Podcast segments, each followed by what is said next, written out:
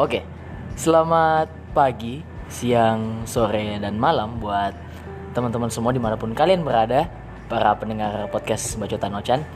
Baik lagi sama gue di sini Fauzan, aka Ocan yang punya podcast ini sendiri. Mungkin udah beberapa hari ini gue nggak ngupload karena satu dan lain hal, tapi gue balik lagi di sini dengan segmen baru kalau biasanya gue ngobrol cuma sendirian kali ini gue ngobrol bareng temen gue. Mungkin bisa kenalin dulu deh dianya siapa. Hai uh, pendengar podcast buat Cotan Ocan. Saya Ataya. Uh, His old friend I guess And the first guest in his podcast. Oke. okay. So jadi gue kenal dari SMP SMP ya tak ya? SMP ya? SMP terus satu SMA dan jadi temen deket. Hmm. terus doi lolos SNMPTN kalau teman-teman tahu mungkin. Dia sekarang maba di Universitas Hasanuddin sastra Inggris ya? Sastra Inggris anak sastra. Gokil sih. Anak IPA tapi anak sastra sama kayak gue. Anak IPA tapi anak ilkom. Bagus bagus banget. Di pembahasan kali ini gue mau bahas sesuatu yang lekat yang dekat dan lekat sama teman gue yang satu ini yaitu tentang strict parents.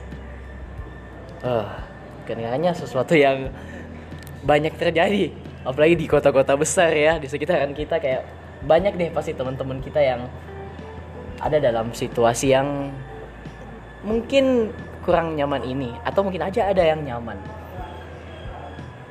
Oke kalau gue mau kasih pertanyaan dulu nih. Pertanyaan pertama sejak kapan sih ngerasain strict parents? Uh, pas SMP Karena kalau dilihat lihat m- selama SD kita menganggap orang tua sebagai orang yang harus memang protect ya. Tapi giliran pas SMP teman eh, lihat teman-teman sudah pada pergi ke mana-mana sudah mulai bergaul di luar pergi ke sini pergi ke situ. Dan orang tua tetap saja tidak membolehkan ya mulai terasa kayak protektifnya striknya ya kayak gitulah Hmm, oke. Sebelum gue tanggepin, kalau misalnya teman-teman ngedengerin kayak suara noise kendaraan atau apa pun itu, sorry banget karena gue ngerekamnya di luar. Kebetulan ketemunya di luar dan tempatnya ya cuma ini doang. Kebetulan waktunya juga ya cuma ini doang. Ada kesibukan masing-masing lah. Kayak gitu.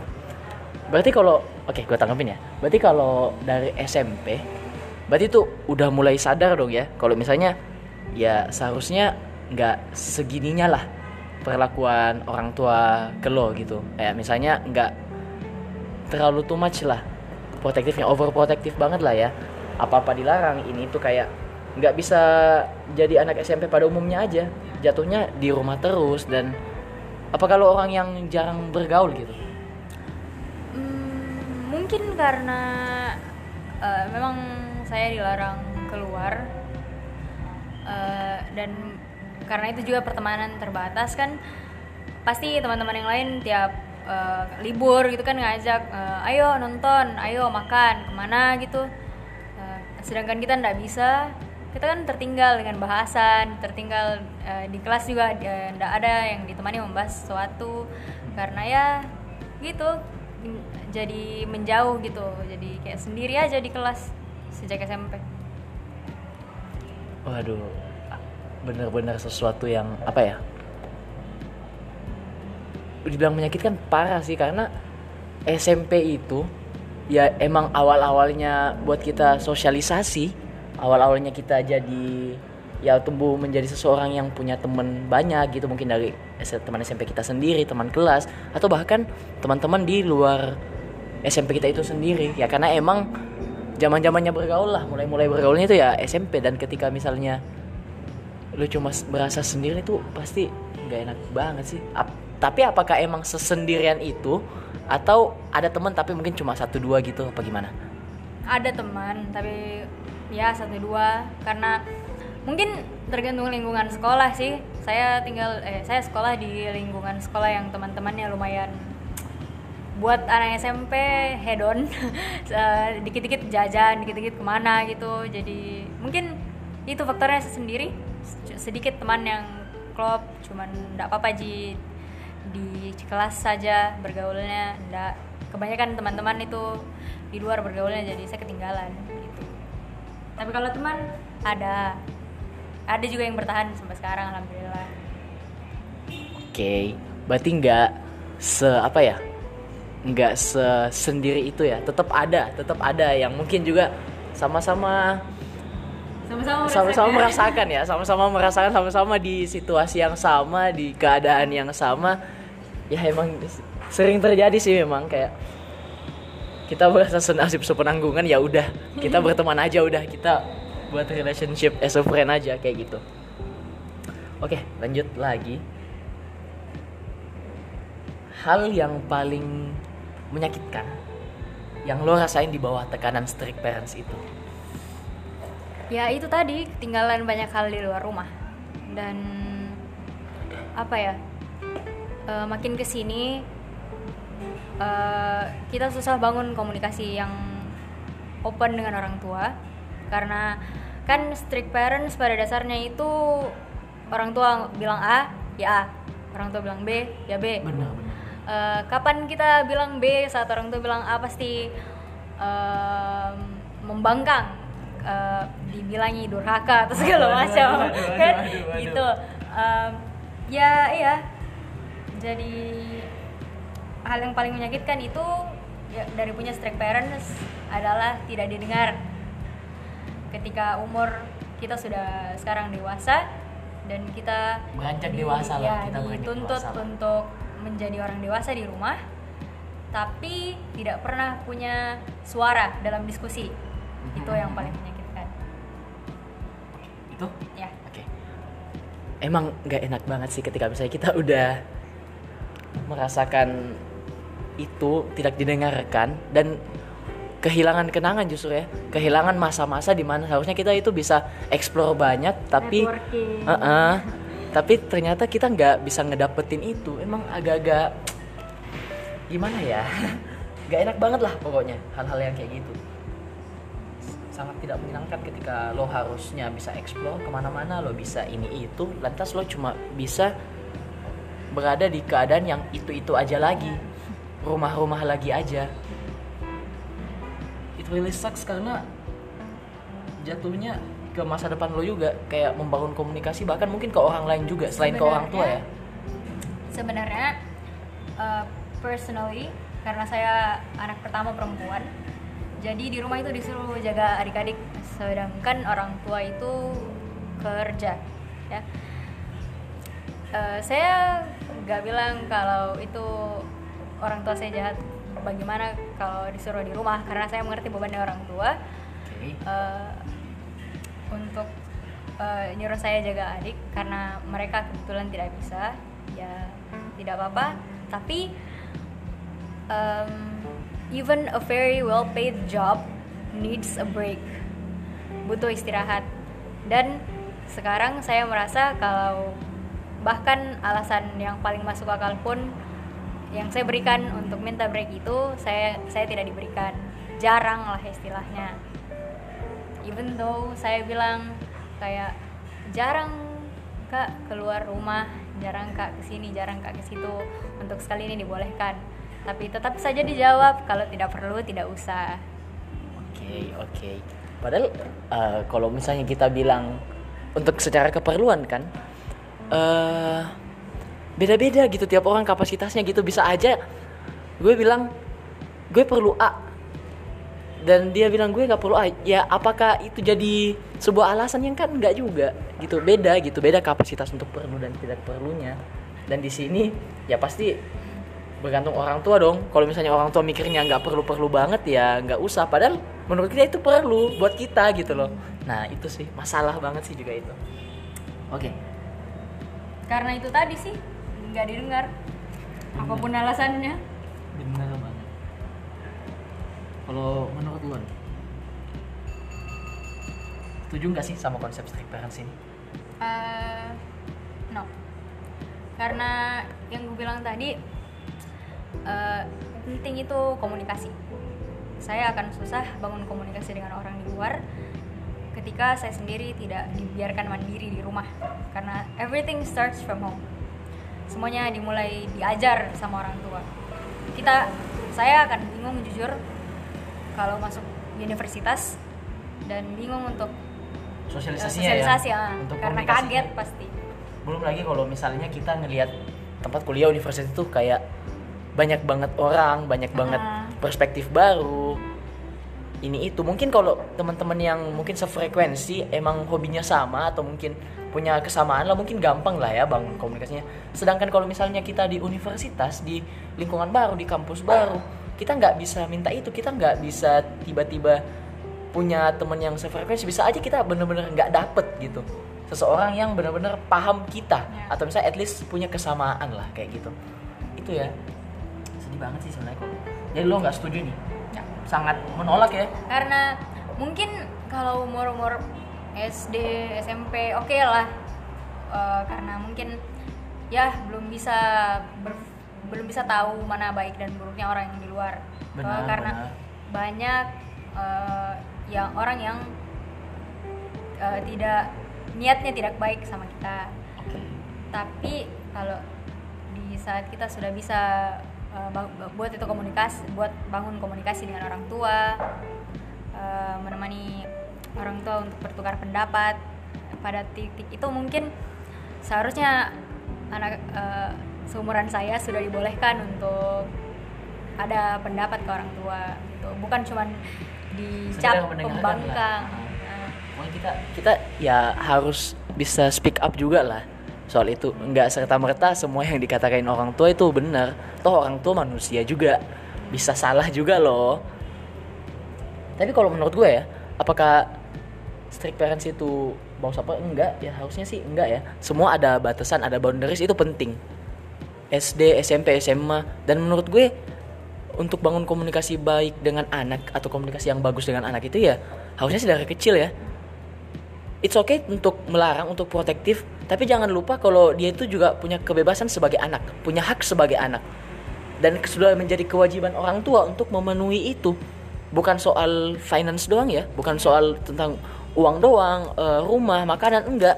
Termasuk adalah komunikasi Pak. Karena pada dasarnya manusia itu komunikasi dan beradaptasi.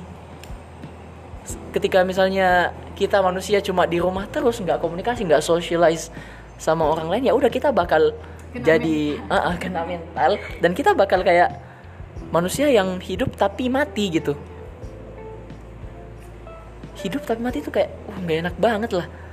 Lo jasad lo ada tapi kayak nggak berasa hidup sehidup itu nggak semere nggak semerdeka itu sebagai manusia. Sedih banget sih kalau misalnya kayak gitu. Jadi untuk para orang tua mungkin kalau ada orang tua yang dengerin ini soalnya di apa di analitik podcast ini ada loh orang umur 28 sampai 34 yang dengerin gue aja kaget. Semoga pesannya tersampaikan semoga untuk para orang tua tolonglah. Atau mungkin teman-teman yang mungkin adiknya kena itu strict parents mungkin dia bisa lebih speak up atau ada teman-teman yang apa masih dalam keadaan itu bisa disampaikan bisa dengerin bisa dengerin pendapat gue dan pendapat teman gue ini. Biar Eh. ya lebih enak aja Alhamdulillah sih sekarang eh, salah satu dari orang tua saya sudah mulai terbuka untuk eh, komunikasi.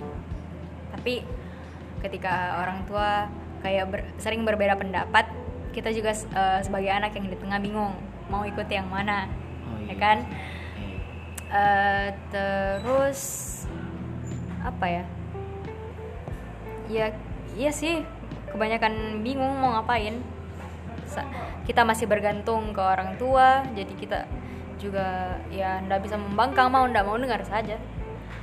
oke oke oke oke Untungnya eh, ada mungkin beberapa orang yang punya strict parents malah salah satu eh, efek negatifnya strict parents adalah membuat anak kita sendiri pintar bohong karena mereka bakalan semakin eh, Semakin dilarang. ditutup Mm-mm.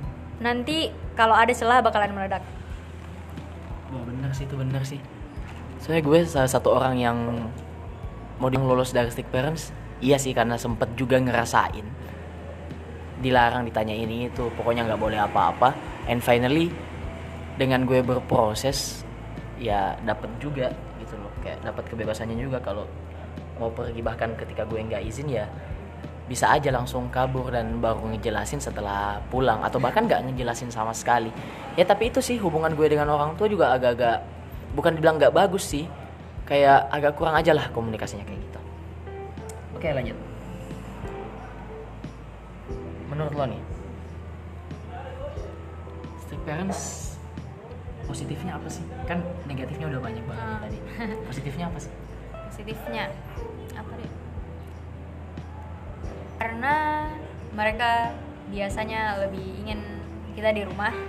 Mungkin lebih banyak fasilitas yang diberikan ke eh, anak-anak yang strict parents. Oke oke. Jujur. Oke oke. Jujur eh, kalau apa-apa buat kalau kita di rumah alhamdulillah dipenuh di- kalau bisa dipenuhin tapi sejauh ini bisa semua.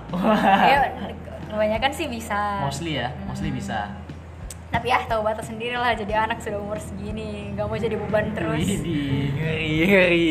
Sebuah wejangan sebuah wejangan pemirsa. Itu ya berarti lebih banyak diberikan apa apa ya fasilitas. Iya. berarti oke oke aja ya? Tapi ya itu tahu diri kalau di rumah. Oh iya, jelas dong jelas dong. Kita kita dibiayai jadi itu salah satu anunya. Kalau mau cepat lari dari strict parents ya get out of the house get your own job maybe. And freelance. Atau enggak kuliah di luar udah ya kuliah iya betul. Kayak yang gue lakuin. Cari di luar. Bye bye Makassar. Terus be- terus ambil beasiswa toh supaya tidak bergantung dengan orang tua. Bener bener banget itu aja berarti ya kalau positifnya ya menurut lo ya? Oke. Mungkin Oh ini ya, jadi pertanyaan satu terakhir sih. oke ada lagi. Eh, s- positifnya strict parents itu kita lebih tahu eh, posisinya orang tua kita. Kita jadi orang tua ketiga ceritanya. Apalagi yang anak pertama pasti tahu eh, kita jadi orang tua orang tua ketiga di rumah yang kasih tahu adik-adik ini yang berusaha jadi penengah kalau ada lagi kalau lagi berantem ini itu ya. Ah, yang ya kita walaupun kita kadang orang yang paling tidak dimengerti di rumah iya tapi kita bisa belajar eh, lebih sering kompensasi sama orang lain. Ya ada baik ada buruknya lah. Pasti dong. Oke ini mungkin jadi pertanyaan terakhir ya. Untuk podcast kali ini. Pernah nggak sih lo benci sama orang tua karena itu? Pernah ada di titik lo pengen bahkan sampai kayak ada lama sih kayak lebih baik orang tua gue mending nggak ada deh. Mending cepet aja deh diambil sama Tuhan daripada tetap personally. ada di situasi kayak gini. Personally buka-bukaan aja nih. ya. Kalau misalnya lo nggak mau nyeritain it's okay. Ketika lo mau silakan. Personally eh, mungkin ada di luar yang orang tuanya abusive dan menurutku wajar sekali untuk mereka berpikir seperti itu karena alhamdulillah even though my parents are maybe em- emotionally disconnected sama saya. Tapi tidak abusive tidak main tangan atau gimana gitu lebih nggak ke verbal aja ya Ah, kata-kata aja ya. dari kata-kata aja yang agak pedas Eh, banget. ya gitu. Pedas Heeh, tapi kalau soal benci atau enggak enggak sih. Karena basicnya mereka jadi orang tua dari memberikan apa yang mereka bisa. Mungkin kapasit saya sebagai anak harus mengerti kalau mungkin kapasitasnya mereka sebagai orang tua sebagai manusia seperti itu. Oke. Jadi ya begitu kita aja yang ngerti. Dan kalau untuk benci enggak. Oke, sebuah jawaban yang sangat bijak ya, bijak banget, suka gue. Jawaban-jawaban yang kayak gitu. Berarti ya se gimana gimana orang tua kita, se strict apa pun mereka atau misalnya semenyebalkan apa pun mereka kita nggak ada alasan sebenarnya buat membenci. Karena pada dasarnya ya dia tuh sayang begitu sama kita. Dia dia mereka ngelakuin itu ya karena mereka ada rasa kasih sayang ada rasa ingin melindungi. Mungkin itu bentuk kasih sayangnya mereka uh, bentuk tough love-nya mereka. Mungkin ada mereka pernah di posisi yang seperti yang sama dan dulu mereka nggak dilarang atau terlalu dilarang sama orang tuanya jadi itu yang mereka lakukan ke kita sekarang. Bener sih karena ya pengalamannya mungkin dia pengalaman mereka yang mem- ngebuat mereka jadi orang tua yang demikian jadi manusia yang demikian. Wah seru banget sih pembahasan ini. Mungkin lo juga udah unek-unek banget ya ini udah lama banget ya kayaknya ya dipendam ya udah pengen banget cerita Iya. mungkin tapi untuk sekarang ya di enjoy aja karena nanti pasti ada saat di mana uh, mendapatkan kebebasan Iya, mendapatkan kebebasan dan hal-hal yang seperti ini yang dicari lagi. Jadi sekarang ya Enjoy aja. jalanin aja udah. Bener banget, bener banget. Wah, ini udah menit ke 21 hampir ke 22. Kalau teman-teman masih dengerin, thank you banget buat teman-teman yang masih dengerin sampai sekarang, sampai detik ini. Semoga pesan yang coba gue dan Ataya sampaikan di sini bisa tersampaikan bisa didengerin juga sama kalian semua bisa dijadiin mungkin referensi atau mungkin dikas dicoba untuk komunikasiin dengan orang tua juga. Thank you banget buat semua teman-teman. Thank you Ataya juga. Ya, semangat yang punya strict parents di rumah. If you can get a therapist, go get a therapist to talk to because I know how hard it is. Oke. Oke. I hope you guys enjoy this podcast and I'll see you on the next episode. Gue Ochan, Gue Ataya. cabut.